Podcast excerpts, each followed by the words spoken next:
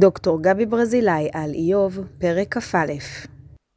הסיבוב השני בוויכוח בין איוב לרעב עובר מהאישי אל הכללי. אליפז עוד פונה בחלקו הראשון של נאומו אל איוב ומוכיח אותו על סירובו לקבל עליו את אמות המידה המוחלטות של החוכמה, אבל מהר מאוד הוא עובר לדבר על הרשעים ככלל. איוב ככל הנראה אמור להבין שהוא מייצג את הרשעים מבלי שהדבר ייאמר במפורש. בלדד וצופר כבר מתעלמים לחלוטין מנוכחותו של איוב ומדברים רק על הרשעים ועל הרשעה.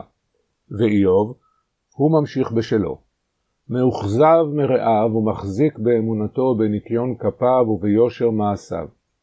ואז, בפרק כ"א, במענה האחרון בסבב, הוא מיישר קו עם הרעים, ומדבר גם הוא על הרשעים ככלל. מול גישת החוכמה הקלאסית שאותה מבטאים הרעים שוב ושוב, הגישה הגורסת שכל רשע יבוא על עונשו, וגם אם נראה כאילו טוב לו, הרי שזוהי מראית עין בלבד, זמנית וקצרת ימים, מעמיד איוב את המציאות כפי שהוא רואה אותה. רשעים רבים חיים בטוב כל ימי חייהם, מתים בבריאות ובשיבה טובה, ונקברים בכבוד בקרב בני משפחתם. נכון, לא כולם. לעתים מקבלים רשעים את עונשם ולעתים לא. לפעמים רואה הצדיק ברכה בעמלו ולפעמים הוא עובד ביגונו. בסופו של דבר, המוות משווה את כולם, ולמתים אין עניין במה שיבוא אחריהם.